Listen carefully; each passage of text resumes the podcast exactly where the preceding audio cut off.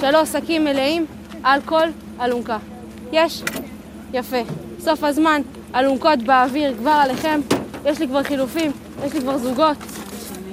שני אלונקות פה. קדימה, מוכנים? יופי. בש. 40 עמדתם. צאו. מספיק להגיד את המילה מסע, וכמעט כבר אפשר לראות את מדי הבט המאובקים, להריח את הזיעה של החבר שהולך מלפניך, ולהרגיש את השירים ברגליים נתפסים. אין מה לעשות. בשביל הרבה מאיתנו מסע הוא קודם כל מסע צבאי. הצטרפנו כאן למסע כומתה של צוות בנות ביחידת הכלבנים, עוקץ. מבחינת הכשירות, הן מגיעות לכשירות הגבוהה, ביותר בצבא בעצם. מבחינתנו זה הטופ, הבנות שלנו, אנחנו רואים פה עכשיו, זה, זה הטופ של הצבא. אבל למרות זאת, לחלק מהבנות היה ממש ממש קשה. יעל, תעזרי לעצמך. קחי את הגוף קדימה. קדימה, לעוף קדימה, יש שזה נועם. לעוף, תעצמו, תעצמו! תעצמי, יעל, עופי קדימה. עופי! לא אכפת לי באיזה כוחות. צמצמי עליה. אני מפרססת עוד שנייה. אני מפרססת. עופי קדימה. יעל! כן, כן. תנשמי. זה הכי חשוב עכשיו, אוקיי? המפקדים התחילו לאבד את הסבלנות. לא אכפת לי לחזור את זה, לעשות את זה מחדש. לא אכפת לי. ולא אכפת לי להישאר עוד חודש בבח, כדי שתעשו את המסע העלייה הזה כמו שצריך. קודם כל, הכבוד שלכם נמצא על האלונקה הזאת. ככה לא נראה מסע עלייה. ללכת מהר, פירושו, מי שקשה לו, עוזרים לו. פעם אחרונה שאנחנו מדברים על זה, סיימו את המסע הזה, תגידו, עשיתי את הכי טוב שלי, עזרתי לכל החברות שלי, והרגתי את עצמי במסע. אני רוצה שתשטחו לי על הרצפה בסוף המסע. כי זה מסע עלייה שלכם ליחידה. אין מסע יותר חשוב מזה.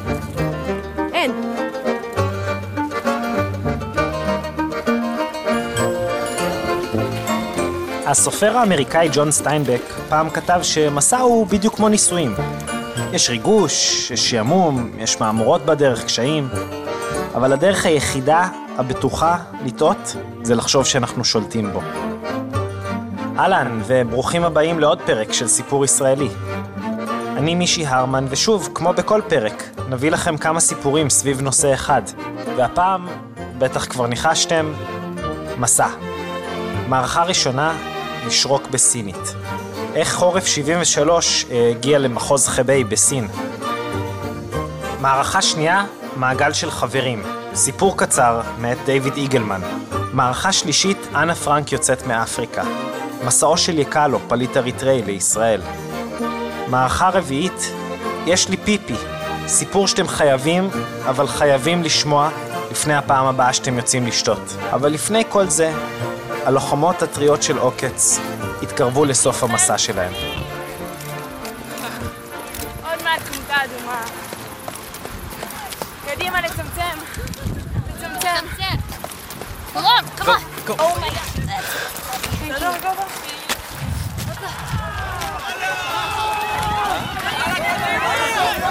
קדימה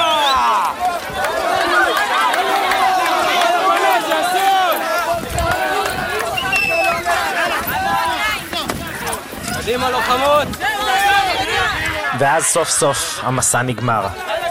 עכשיו כולן עומדות מחויכות, אבל שפוכות לגמרי, במגרש המסדרים. כל היחידה מסיוון. הענקת כומתות לחיילת מצטיינת. המסדר יעבור לנועה, אמות נועה. חיילת מצטיינת, ג'קי לואי.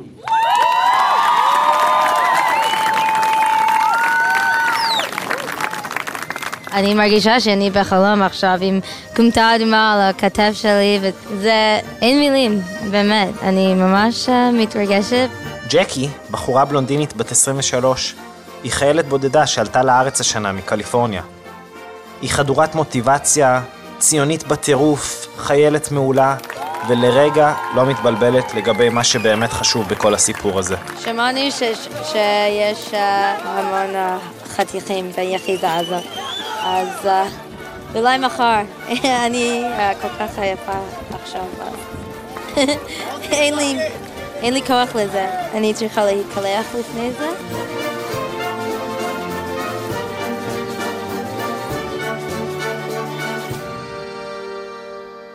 מערכה ראשונה לשרוק בסינית. כשאליק פרומצ'נקו, שרקן מסור, היה סטודנט, הוא נסע לטיול בסין.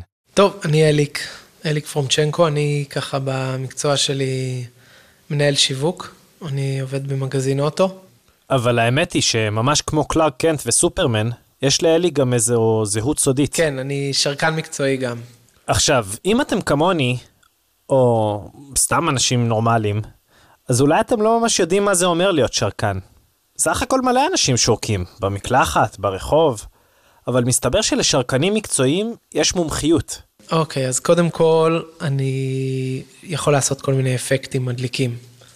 נניח אה, לעשות אה, טלפון סלולרי.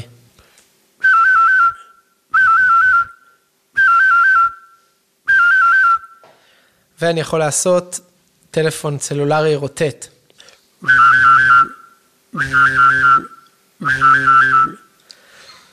אז זה, ה... זה ככה הספיישלטי. וחוץ מזה, כל מיני אה, דברים כמו נגיד ציפור שיר, ככה.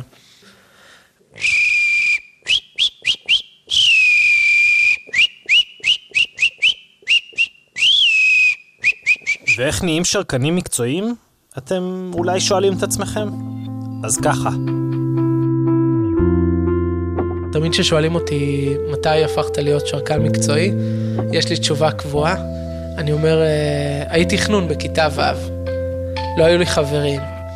אז השלושה דברים היחידים שעשיתי זה לשרוק, אה, לשחק אה, פינג פונג עם עצמי ולראות סטארטרק, בסטארטרק בערוץ אחד.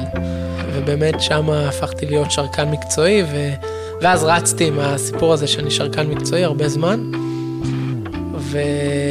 וסך הכל הסיפור הזה בעצם של השרקנות הוביל אותי להמון מקומות מדליקים.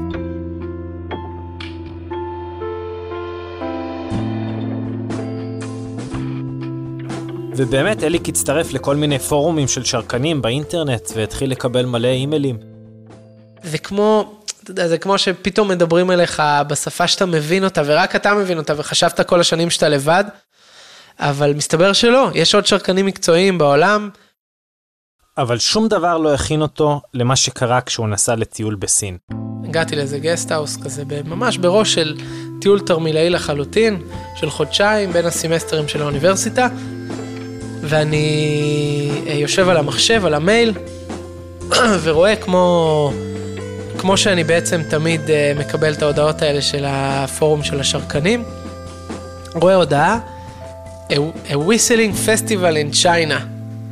פותח את המייל, אני רואה The festival will, will be held at חבי פרובינס, והגלגלים של הראש מתחילים לעבוד.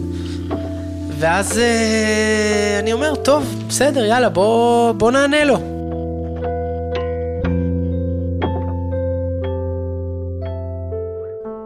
אז אלי כתב למארגן, רב שרקן סיני בשם ויסלר לי, וכמה ימים אחרי זה הוא קיבל תשובה. Dear Mr. Elik Formachenko, the Whistler, it will be an honor to the field of whistling in China if you could attend our convention. ויסלר לי שלח לאליק הוראות, בסינית, לאיזה מסעדה במחוז חבי. ואני מגיע לתחנת, אה, בעצם לתחנה המרכזית בבייג'ין, מראה את הפתק לכמה אנשים שלא דוברים אנגלית, נכנס לאוטובוס, אף בן אדם לא דובר אנגלית, נוסע, מורידים אותי באמצע אוטוסטרדה אחרי זה שעתיים. אלוהים יודע איפה אני. למזלי היו שם שתי נהגי מונית גם שלא דוברים מילה אנגלית. עכשיו זה ברמה של yes no הם לא יודעים, אבל אני מראה להם את הפתק והם אומרים היי כזה, הם מסתכלים עליי עם היי, ואני עולה על המונית ונוסע, הוא לקח אותי ככה איזה שתי סיבובים בעיר, נראה לי ככה לעשות עליי איזושהי קופה. בסוף אליק הגיע למסעדה ענקית, זה סין, אל תשכחו. כולי מריח כמו אחד שנמצא בדרכים, בחום, מ-5 בבוקר. ממש כאילו מיוזע ו- ו- ומגעיל, ועם התיק עליי, תיק גדול כזה של תרמילאים, ועם מכנסיים קצרות וסנדלי שורש. והוא מתחיל לעלות במדרגות, לחפש את השרקנים. ואני עולה בקומה אחת, ועולה קומה שנייה, ועולה קומה שלישית, וכולי כבר מתנשף, ולא יודע מה אני הולך לחוות בעצם, לא, לא יודע למה לצפות. ואני אה, ככה מביע ומתנשף, ואיזה מלצר פותח לי את הדלת, ואיך שאני פותח את הדלת, קהל של 120 איש, מתרומם על הרגליים ומוחא לי כפיים,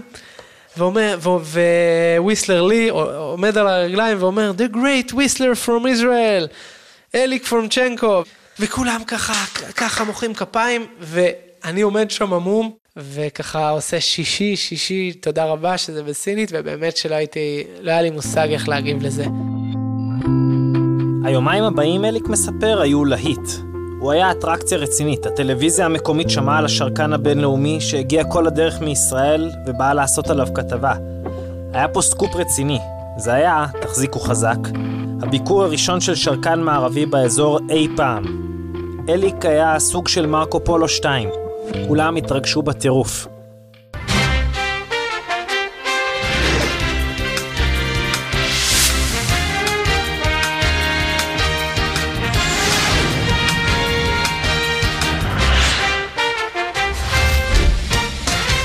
我国口哨艺术源远流长，已有两千四百多年的历史了。曾经出现过阮籍、孙登等着名的口哨音乐大师。直到现在呢，吹口哨仍然是很多人的爱好。 我省石家庄市的李立忠就是其中的一位。曾经出现过阮籍、 אני לא ממש בטוח מה הוא אומר, אבל עזבו, אל תסמכו עליי. לכו ליוטיוב, תכניסו אליק שרקנות, תראו בעצמכם. אבל מה שתראו זה שכולם רצו לדבר עם אליק. גם אלה ששרקו,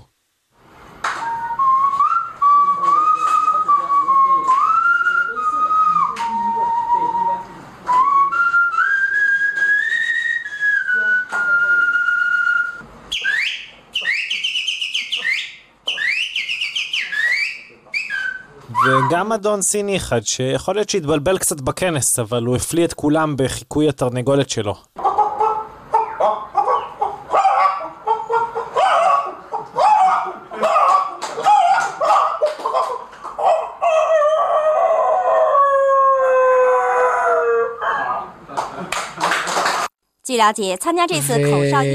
והיו לי שם קטעים מדהימים, נגיד, היה איזשהו... אה, שרקן, האורח כבוד השני שהיה שם, היה שרקן מונגולי בן אה, 67. אה, ותיק החבורה. והיה לנו קטע שישבנו בבוקר, ככה בארוחת בוקר עם כמה שרקנים אחרים, והוא אומר לי, ככה, הוא יושב איתי ככה בצורה רצינית, מונגולי, שרואים שהוא עבר דבר או שתיים בחיים, והוא אומר לי, הוא אוצ'דה, תשובדה. ואז המתרגם עושה כזה, he says, you Israelis, should crush the Palestinians without no mercy. ככה אני מהנהן בראש ואני אומר, שישי, ניהאו, ניהאו, ככה ברור, תודה רבה. אה, כן, אתה צודק, וככה זה היה סוג של הרגיש כמו איזה מפגש פוליטי אה, של, אה, של שתי אנשים אמיתיים. כשהגיע תורו של אליק לשרוק, הוא בחר מכל המנגינות בעולם את חורף 73, ואפילו הוא ניסה לספר להם בתנועות ידיים על המשמעות של השיר. והסינים עפו על זה.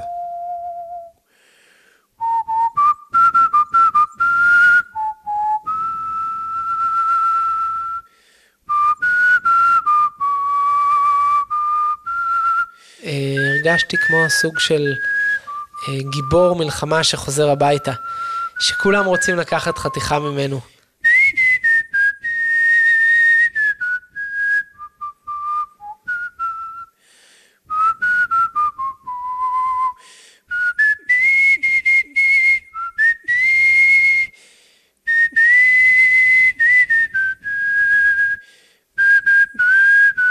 בסוף הכנס כולם התאספו לתצלום קבוצתי. ואני יושב ככה ב... אני, וויסלר לי, והשרקן המונגולי הזקן יושבים כאילו ב... כמו במקום של ראש הממשלה, הנשיא ו... ושר החוץ, שם אנחנו יושבים באמצע, ואני סך הכל מכיר את החבר'ה האלה 48 שעות, אה, וזה היה תחושה מדהימה. אה, והכי מרגש מבחינתי, היה באמת הסגירת מעגל הזאת, שבעצם אני רואה את, ה... את הסיכום של האירוע אה, בפורום הזה של השרקנים, וכותב אה, לי, וויסלר לי, על זה שסוף סוף אחרי שנים שהוא בפורום והוא ככה מזמין את כולם לא, לאירוע הזה, סוף סוף הוא פגש מישהו מעולם השרקנות, ומבחינתו זה היה נורא מרגש, והוא כתב מייל מדהים, באמת, הוא עבד עליו המון זמן.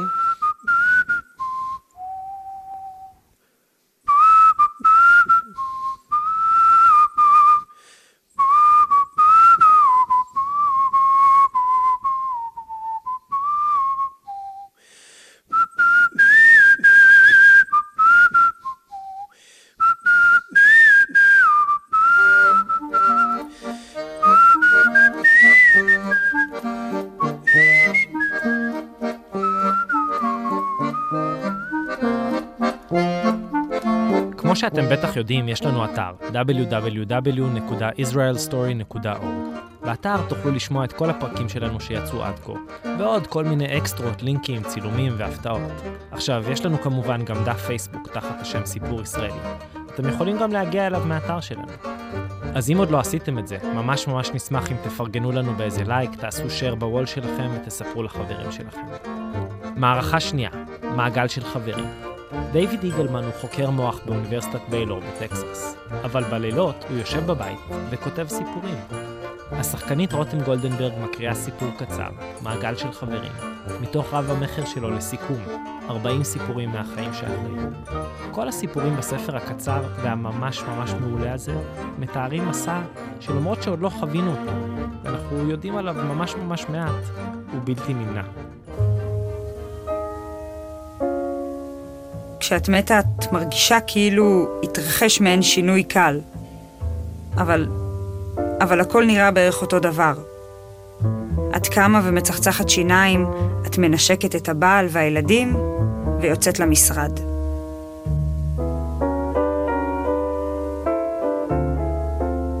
התנועה בחוץ פחותה מהרגיל.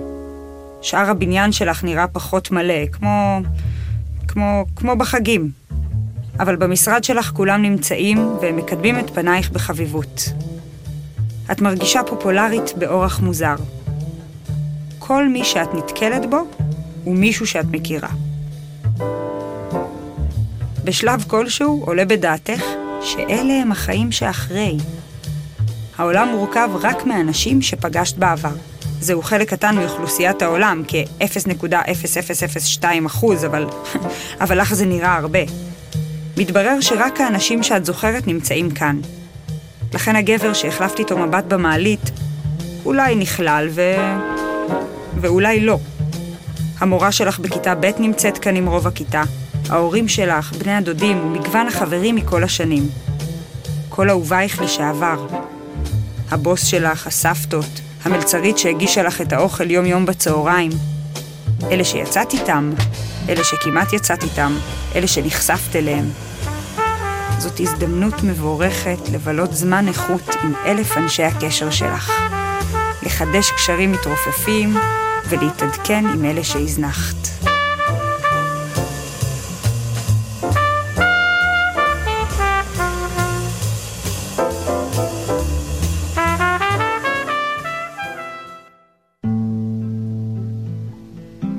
אחרי כמה שבועות כאלה, את מתחילה להרגיש אבודה.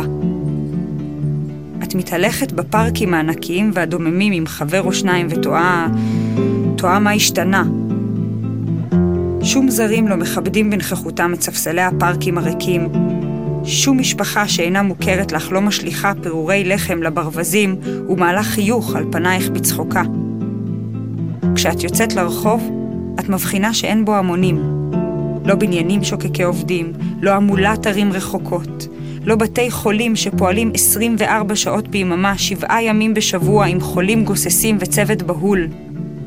לא רכבות המייללות אל תוך הלילה עם נוסעים דחוסים כסרדינים בדרכם הביתה, מעט מאוד תיירים. את מתחילה לחשוב על כל הדברים שאינם מוכרים לך. את תופסת שמעולם לא ידעת איך לגפר גומי לייצור צמיג, ועכשיו בתי החרושת האלה עומדים ריקים.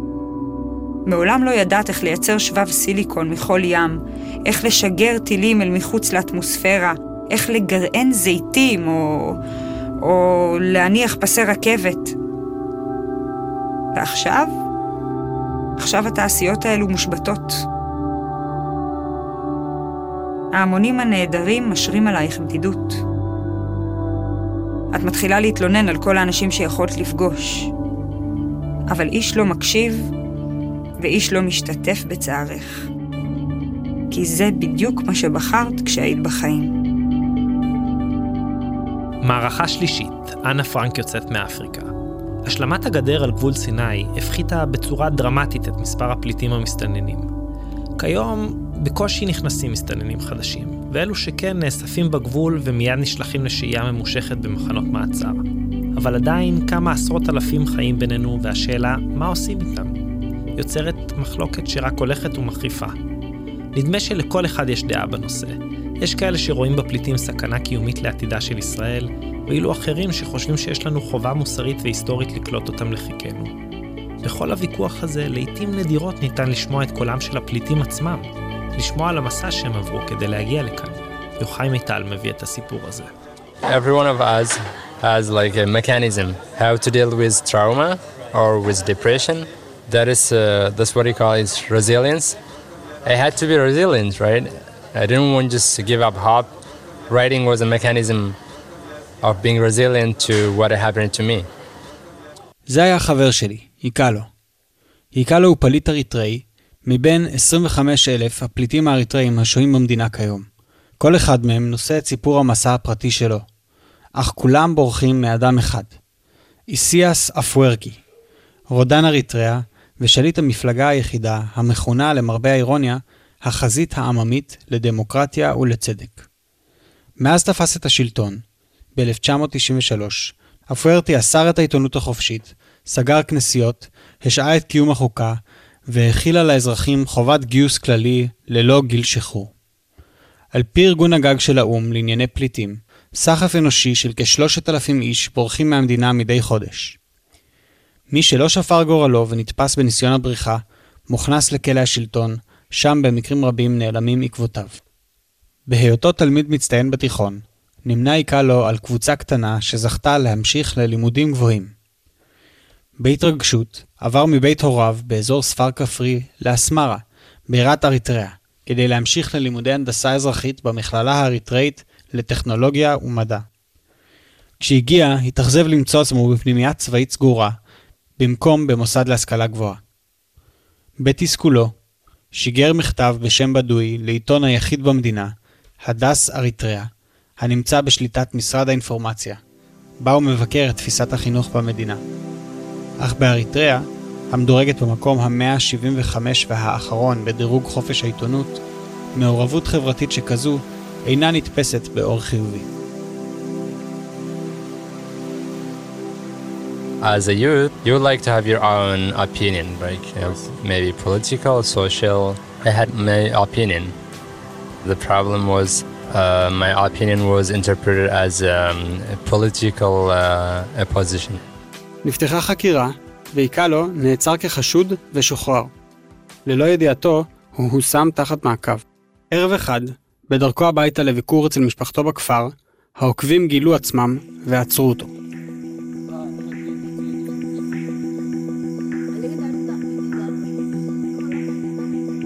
They asked me why, what I was doing. I told them that uh, I'm in vacation, I'm in a break, and uh, and they said you're um, you're um, helping people like cross cross the border. So uh, I said no, I have no intention of doing such, and uh, I denied. So um, they like they beat me like uh, like anything. They beat they beat me on the foot, you know. They whipped me. עד היום מרגיש איקלו את כאב ההצלפות על כפות רגליו, ואינו יכול לעמוד פרקי זמן ארוכים. Then my uncle came and just talked to them, and uh, they released me like uh, for uh, for some money. After that, I I couldn't bear it. Uh, I couldn't bear like being always under surveillance, like keeping your own opinions to yourself. I decided to to flee.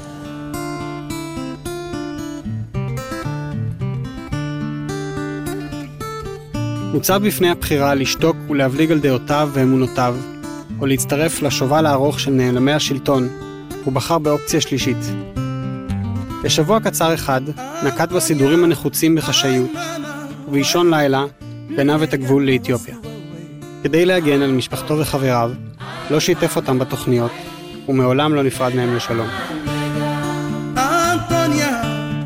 Then uh, I would study. I thought I would be welcomed in any in any school. In a in a matter of uh, years, some years, then I would be back to Eritrea.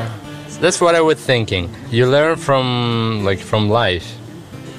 I learned that I can never go to Eritrea while uh, while the ruling party is still there in power. But I learned this when I when I crossed the border, you know. איקלו חשב שבגלל שהיה מהסטודנטים הבולטים באריתריאה, התקבל בברכה במוסדות הלימוד של אתיופיה. אך לא כך היה. לאחר שעבר את הגבול, נאסף למחנה מגודר, מאוכלס באלפי פליטים אריתראים, שכמוהו ברחו מהמשטר הרודני. לאחר כחודש, נגוע עדיין בנאיביות איתה יצא למסע. ברח מהמחנה, ובמסע של כאלף קילומטר, עשה דרכו לבירה, אדיס. שם בדק בכל מוסדות הלימוד את האפשרות להמשיך בלימודיו.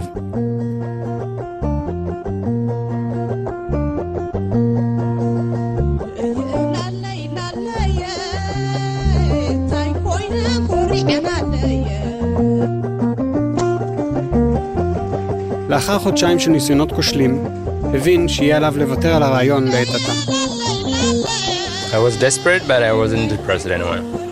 Because I told myself that anyway, one day I will go, I'll go back to school in my life. And I'm sure I will, I will have uh, my, my degree. ניקלו עשה את המסע בחזרה למחנה הפליטים, והגיש מועמדות להתנדב כמורה בבית ספר שנוהל בידי ארגון סיוע שפעל בתחומי המחנה.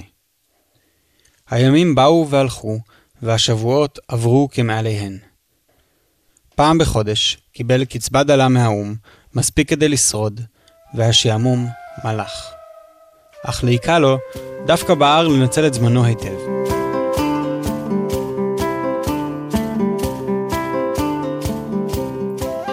I tried to use every minute of my time when I was in the camp.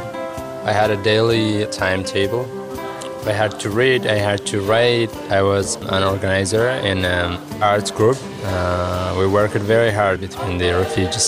We used to entertain them, we used to like uh, raise awareness. בזמנו הפנוי, מעבר לכתיבת שירים וסיפורים, כילה איקלו את ספריית המחנה.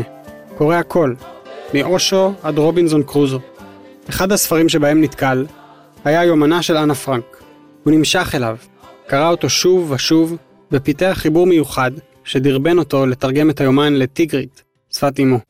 When I read it, it, uh, it touched me very deeply. I was so sorry. I mean, I was so sad about the um, what happened to her. When I read it, I mean, the end, I couldn't just I couldn't help crying. I didn't know about the story. I didn't know anything about Jewish. I know about the Second World War a little, but not specifically about Jewish or Anna Frank. I, I thought she would be freed at the end, but she died. I mean, I was so sad about it.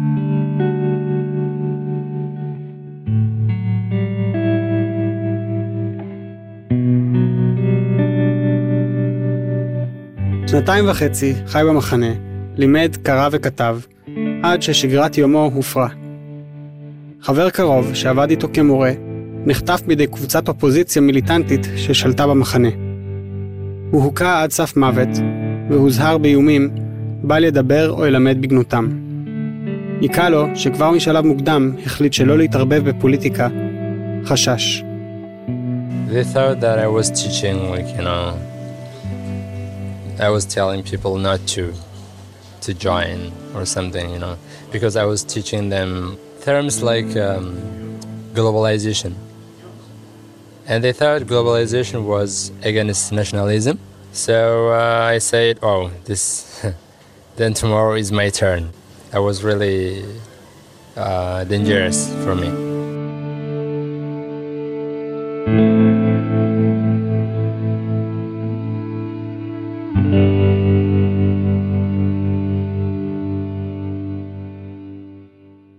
שוב מצא עצמו בפני אותה הדילמה ממנה ברח, ושוב החליט להישאר נאמן לעצמו ולאמונותיו. לו התגנב לכיוון סודאן, אך הגבול בין סודאן לאריתריאה היה פרוץ, וכוחות אריתראים היו פולשים תדיר למחנה, אוספים אזרחים ומחזירים אותם בכוח לאריתריאה. לו ברח לקרטום, בירת סודאן, אך גם שם מצא שהפליטים האריתראים נרדפים ומוחזרים בכפייה. הסכנה ארבה בפתח, לו החליט להמשיך במסע הנדודים, מתוך תקווה שבמקום אחר יהיה יותר טוב. We only think that where we're going would be better. I thought Egypt would be better, and Egypt was the worst. לאורך הדרך, לו תמיד נשאר צמוד לתיק בית ספר קטן. תיק שהכיל את יומניו, שיריו, סיפוריו, ואת הטיוטה הראשונה לתרגום שהכין ליומנה של אנה פרנק. בנוסף לתעודות, המלצות ותמונות משפחתיות שתמיד נשא עמו כמזכרת. זה היה האוצר הפרטי שלו.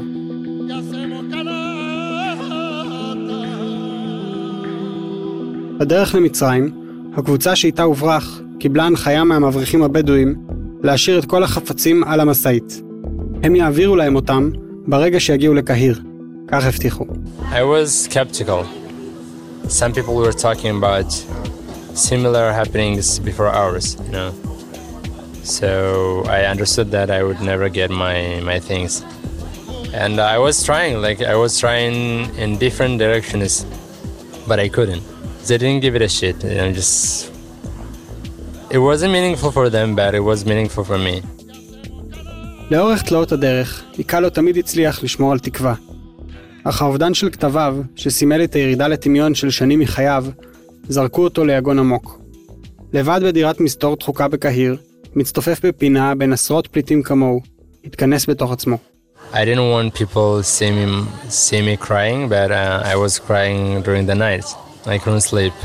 Three weeks in uh, Cairo, and I was, I was crying almost all night. I mean, all the nights.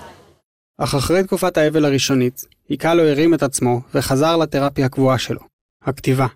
ועם החזרה אל הכתיבה, שבה אליו בהדרגה גם התקווה. I decided, I, I say to myself, wait, this is not the end of the world. Even if I don't get them back, but I can write. First, I, I wrote two poems. One was really, you know, was a reaction to what, uh, what happened to me. I was talking with time. I told time to stop. Stop and wait for me. Because I was just, I was lagging, you know, behind. ביקשתי מאיקלו שיקריא את השיר שכתב בטיגרית. ኣሳልየ ንባኸም ሰበይ እጃመይ ከልዕላ ትጉዕዞ ሓንሳብ ኣስተንፍስ ወርካ ኣደንድሶ ጽባሕ ከኣ ኣብ ድርኩኺት ዳስ ሓውያ ጥጥሕ ወንበር ሒዝካ ንውዕለተይ ኣብ ሚዛን ክትዕይር ባዕልኻ ኸሲስካ ባዕልኻ ካብ ትፈርደኒ ሎሚ ሳልየኒ ንጽባሕ ጽባሕ ሓቢርና ክንገዳ ሰጋር በጃኻ ተጸበየኒ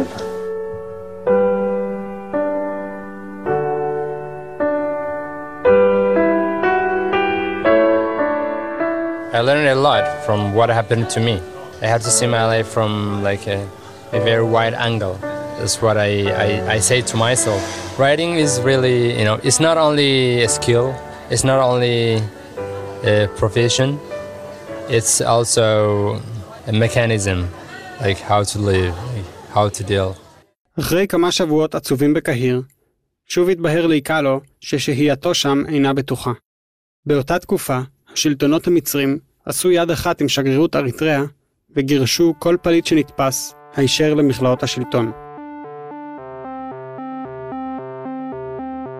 בעזרת כסף שגייס מקרובים וחברים, שילם למבריחים בדואים והצטרף לקבוצה שהוברחה דרך סיני לגבולות ישראל.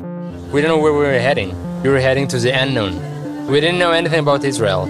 All I knew was Gaza, the war in Gaza, The, the other thing was I was thinking of Anna Frank.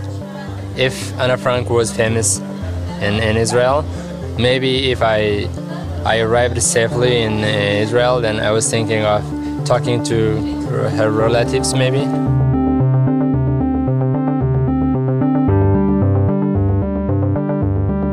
אישון לילה במדבר סיני, והעניינים מתנהלים כסדרם. המבריחים הביאו את החבורה בהסתר למרחק של כמאה מטר מגדר טלטלית נמוכה, המציינת את גבול ישראל-מצרים. הם רצים לעבר הגדר. כאשר חיילי הגבול המצריים מבחינים בהם, הם פותחים באש, אך האש לא מדויקת ומאוחר מדי. החבורה חצתה את הגבול. ג'יפ הסיור הישראלי מוצא אותם יישובים על גדר המערכת ומחכים בסבלנות, בדיוק כפי שהונחו על ידי המבריחים. הכוח נוהג בהם באדיבות, מגיש לקבוצה מים ומעט מזון ומבצע רישום ראשוני. לאחר מאסר של מספר לילות, בחצות ליל שישי של חורף מדברי, ב-15 לפברואר 2008, הועלו על אוטובוס שהוריד אותם בתחנה מרכזית שוממת של באר שבע, חלקם יחפים, ללא בגד להחלפה, חופשיים אך חסרי כל. I remember that night. It was freezing, and the bus driver told us that he was coming back in five minutes. We were waiting, you know, there. It was five minutes, ten minutes, fifteen minutes, then uh, half an hour, then uh, an hour. כשהבינו שהנהג לא מתכוון לחזור, ריכסו החבורה את מעט השטרות שנותרו ביניהם, ושילמו 100 דולר למונית שתיקח אותם לתל אביב. משם היכה לו התגלגל לירושלים, שם מכר סידר לו עבודת יום בבניין, ובלילות עבד כשומר לילה באתר הבנייה. עם מעט הכסף שחסך בשבועות הראשונים, ניגש לחנות ספרים בכיכר ציון בירושלים, ורכש הוצאה מחודשת ליומנה של אנה פרנק. 72 שקלים, הוא נזכר במחיר המדויק. מותש מיום עבודה מפרך, היה מתיישב לאור ניאון ועמל מחדש על מלאכת התרגום. עד היום לא קיבל שכר על שלושת חודשי העבודה הראשונים שלו בארץ. לא עבור הימים הארוכים של עבודת בניין מפרכת, ולא עבור הלילות שבהן נותר ער ושמר. לאחר שנתיים של ניסיונות כושלים לחלץ את שכרו, שהולן בידי הקבלנים, ייעץ לו עורך דין מטעם ארגון קו לעובד, שיהיה עליו לוותר על העניין. בצער, יקלו קיבל את עמדתו. I'm very upset, not about the money, but about the principle that I worked and I didn't pay. I, I wasn't paid. I was used by someone. This is um, the worst um, feeling that I have. בארץ פעל נמרצות לשוב למסלול הלימודים. הוא הגיש מועמדות למספר מכללות בארצות הברית, ואף התקבל, אך בקשתו לוויזת סטודנט אמריקאית נדחתה שוב ושוב. איקלו פנה לאוניברסיטה העברית, אשר הפנתה אותו למכללות הפרטיות, וכך, בשנת 2009, נרשם ללימודי פסיכולוגיה במכללה הבינתחומית בהרצליה. כיום הוא עומד להתחיל את השנה השלישית והאחרונה בדרכו המפותלת לתואר הנחשף. בשנה הראשונה התקשה לעמוד בשכר הלימוד, ובקושי ישן, בזמן שעבד ולמד סביב השעון. בשנה השנייה קיבל קצת סיוע מארגון טוב לדעת, עמותה העוזרת לפליטים לרכוש השכלה, ולמרות שעדיין היה צריך לעבוד שעות רבות, יכל להקדיש קצת יותר זמן ללימודים. כעת הוא כבר מסתכל קדימה. הוא מקווה להמשיך ללימודי תואר שני בפסיכולוגיה, בתקווה להפוך לפסיכולוג התפתחותי. תהיתי, למה דווקא פסיכולוגיה התפתחותית? I had this belief that um, change, like a behavioral change, is from the roots, from childhood. And I want children to grow properly and uh, help them get what they should get from life. שאלתי אותו, איפה הוא רוצה להיות עוד 20 שנה? והופתעתי לגלות שהוא עוד חולם לחזור הביתה, למולדת שרודפת אותו עד היום. I want to go back home and uh, do some meaningful things in my life. I want to work with uh, children and uh, maybe if God wills, I will build some some centers for all children in Eritrea. כששאלתי אם יש לו תובנות, הוא מציע לי להתייחס לחיים כתהליך של למידה, ובעיקר, אף פעם לא לפחד להשתנות. Everyone needs a change, even if you're in a very good, good situation, good condition, but you need a change. Change is like a magic word. People should view like life as um, as a lesson. You fell and get up, but at last you will you will learn how to how to walk, right? You still will fall, but uh, you know how to how to walk now. You know.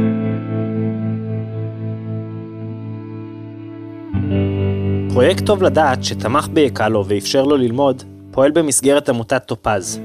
המטרה שלהם זה להעצים את קהילת הפליטים ומבקשי המקלט מאפריקה בישראל.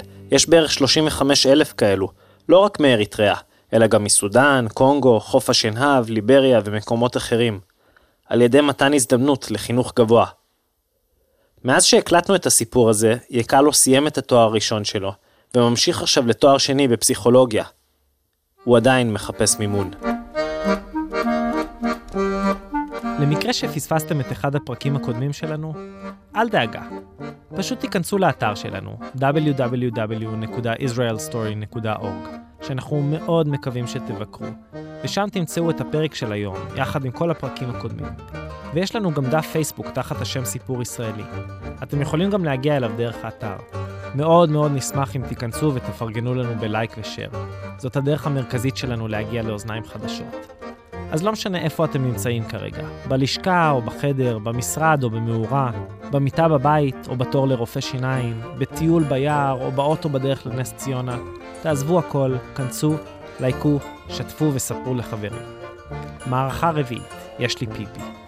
אביב בקרמן סיפרה את הסיפור הקורע הבא בלייב, בערב סיפורים על המרפסת שארגנו כחלק מסיפור ישראלי. אז הסיפור אה, מת, מתרחש בלונדון, הכרה, שבה גרתי לפני כמה שנים. והסיפור הולך ככה, זה היה איזשהו ערב קריר, כיאה ללונדון, מינוס חמש מעלות בערך, שיא החורף, אה, ויצאתי עם איזה ידיד אה, הומו שלי. אה, לבר של גייז במרכז העיר. אני גרתי איפשהו באזור של היהודים, בגולדרס גרין, שזה כזה נסיעה של משהו כמו 20 דקות ממרכז העיר בטיוב. אה, ויצאנו לבר הזה, הוא נהנה קצת יותר ממני.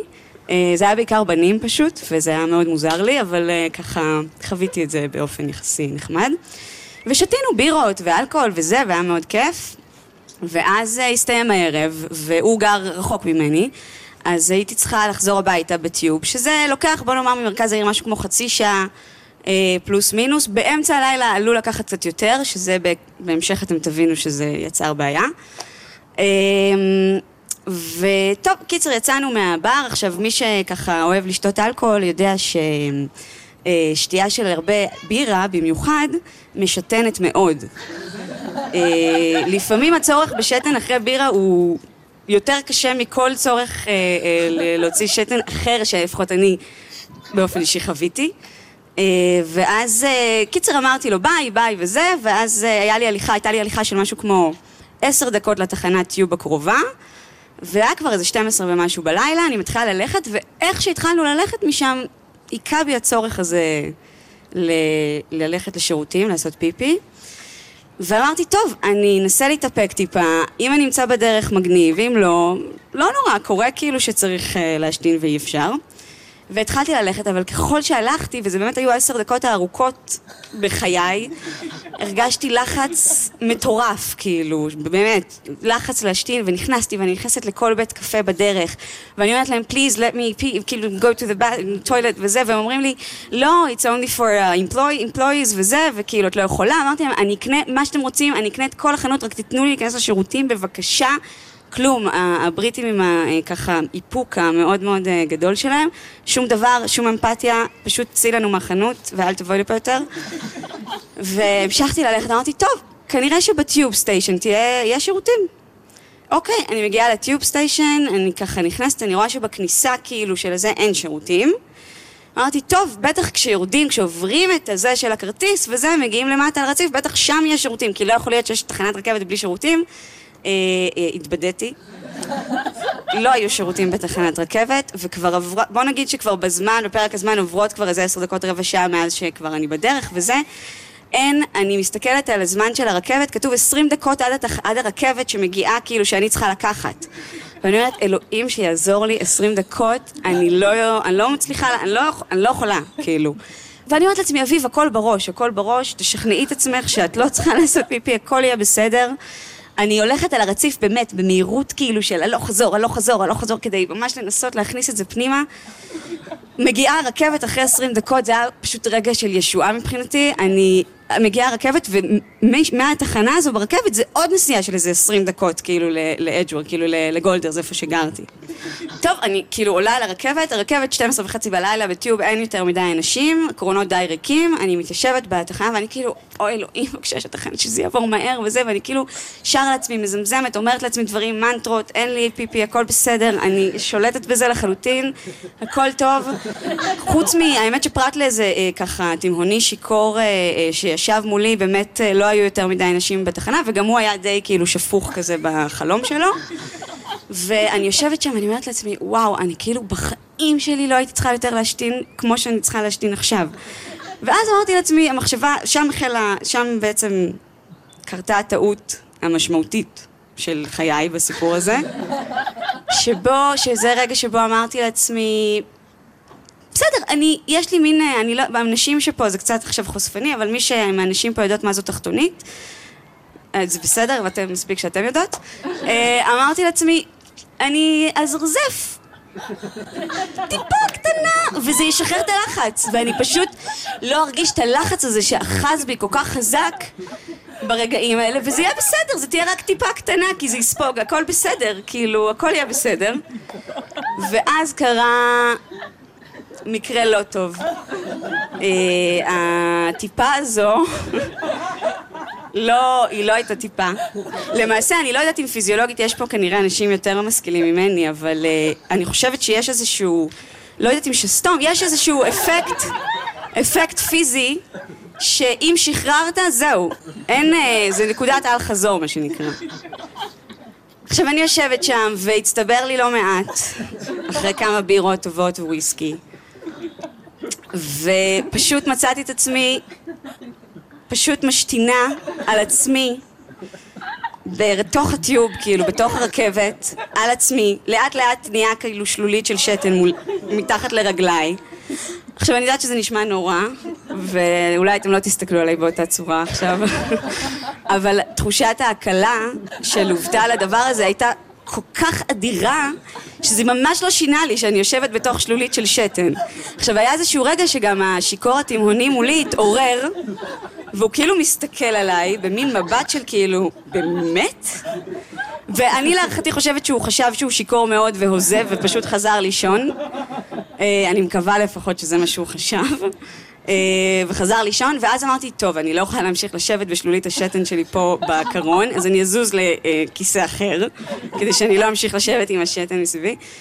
ואז גם שם יצא לי קצת פיפי, כי כבר לא יכולתי לעצור את זה, אז זה פשוט יצא. אה, וזהו, ואז כעבור עשרים דקות של אה, בוא נאמר גיהנום קטן משלי, למרות שעוד פעם ההקלה הייתה באמת עצומה, אז אני לא יכולה, אני לא יודעת אם ה... כאילו הקו מאוד עדין בין הגיהנום ל... ל באמת הקלה המטורפת הזו. הגעתי לתחנה שלי וירדתי מהרכבת, ספוגה בשתן, עם ג'ינס במינוס חמש מעלות, עם עוד הליכה של איזה עשר דקות עד הבית שלי, שבו קפא לי כל האזור שם, וזה הסיפור אה, שלי.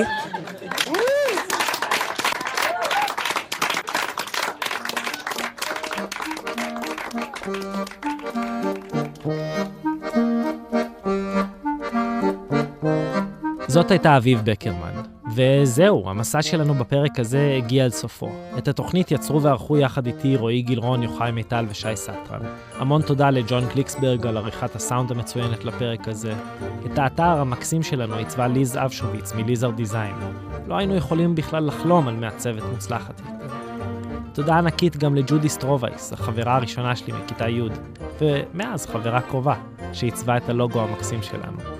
אתם יכולים למצוא לינקים לאתרים, גם של ג'ודי וגם של ליז, בתחתית הדף באתר שלנו, www.israelstory.org. תודה לדיוויד איגלמן בטקסס, וכמובן לג'קי לואי, דנה הרמן, אליק פרומצ'נקו, גנית גריי, רותם גולדנברג, יקלו ביינה, ראיה עדני, ג'סיקה סטיינברג, שיבי פרומן והרב פרומן, עליו השלום. ולאייל שר מקרן ירושלים וניר צוק מהשוקה, שתמיד נמצאים שם לעזור עם עצות מצוינות. כמו תמיד, תודה גדולה לירון דקל, מאיה להט, אפי בן אברהם, ענבל גזית, ולרס"רית הקטנה והאהובה שלנו, המפיקה שי אשרי. וכמובן לבוסית שלנו, אתי הנטע.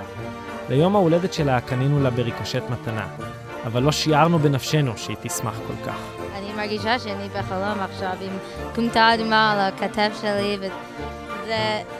אין מילים, באמת. אני ממש אה, מתרגשת. אנחנו מאוד מקווים שנהניתם מהפרק, שתורידו אותו בפודקאסט ומהאתר שלנו, שתירשמו לרשימת התפוצה, תלייקו אותנו בפייסבוק ותשתפו עם חברים.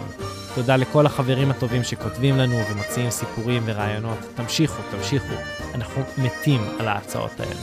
אז אם יש לכם סיפור טוב, צרו איתנו קשר. נשלח לכם רשימה של הפרקים הבאים ונשמח לקבל רעיונות. נחזור בפרק הבא, לצערנו הפרק האחרון של העונה הראשונה שלנו, עם סיפור מרגש ומדהים במיוחד. בפינאלה של העונה נפגוש רבנים חרדים מצפת, אנשים עם תסמונת דאון, מתגיירים מאלסקה, שופטי בית המשפט, חתנים וכלות, שכולם מצטרפים יחד לסיפור אחד סוחף ומפתיע. אז עד אז, ממני מישי הרמן ומכולנו, יאללה ביי. Karma,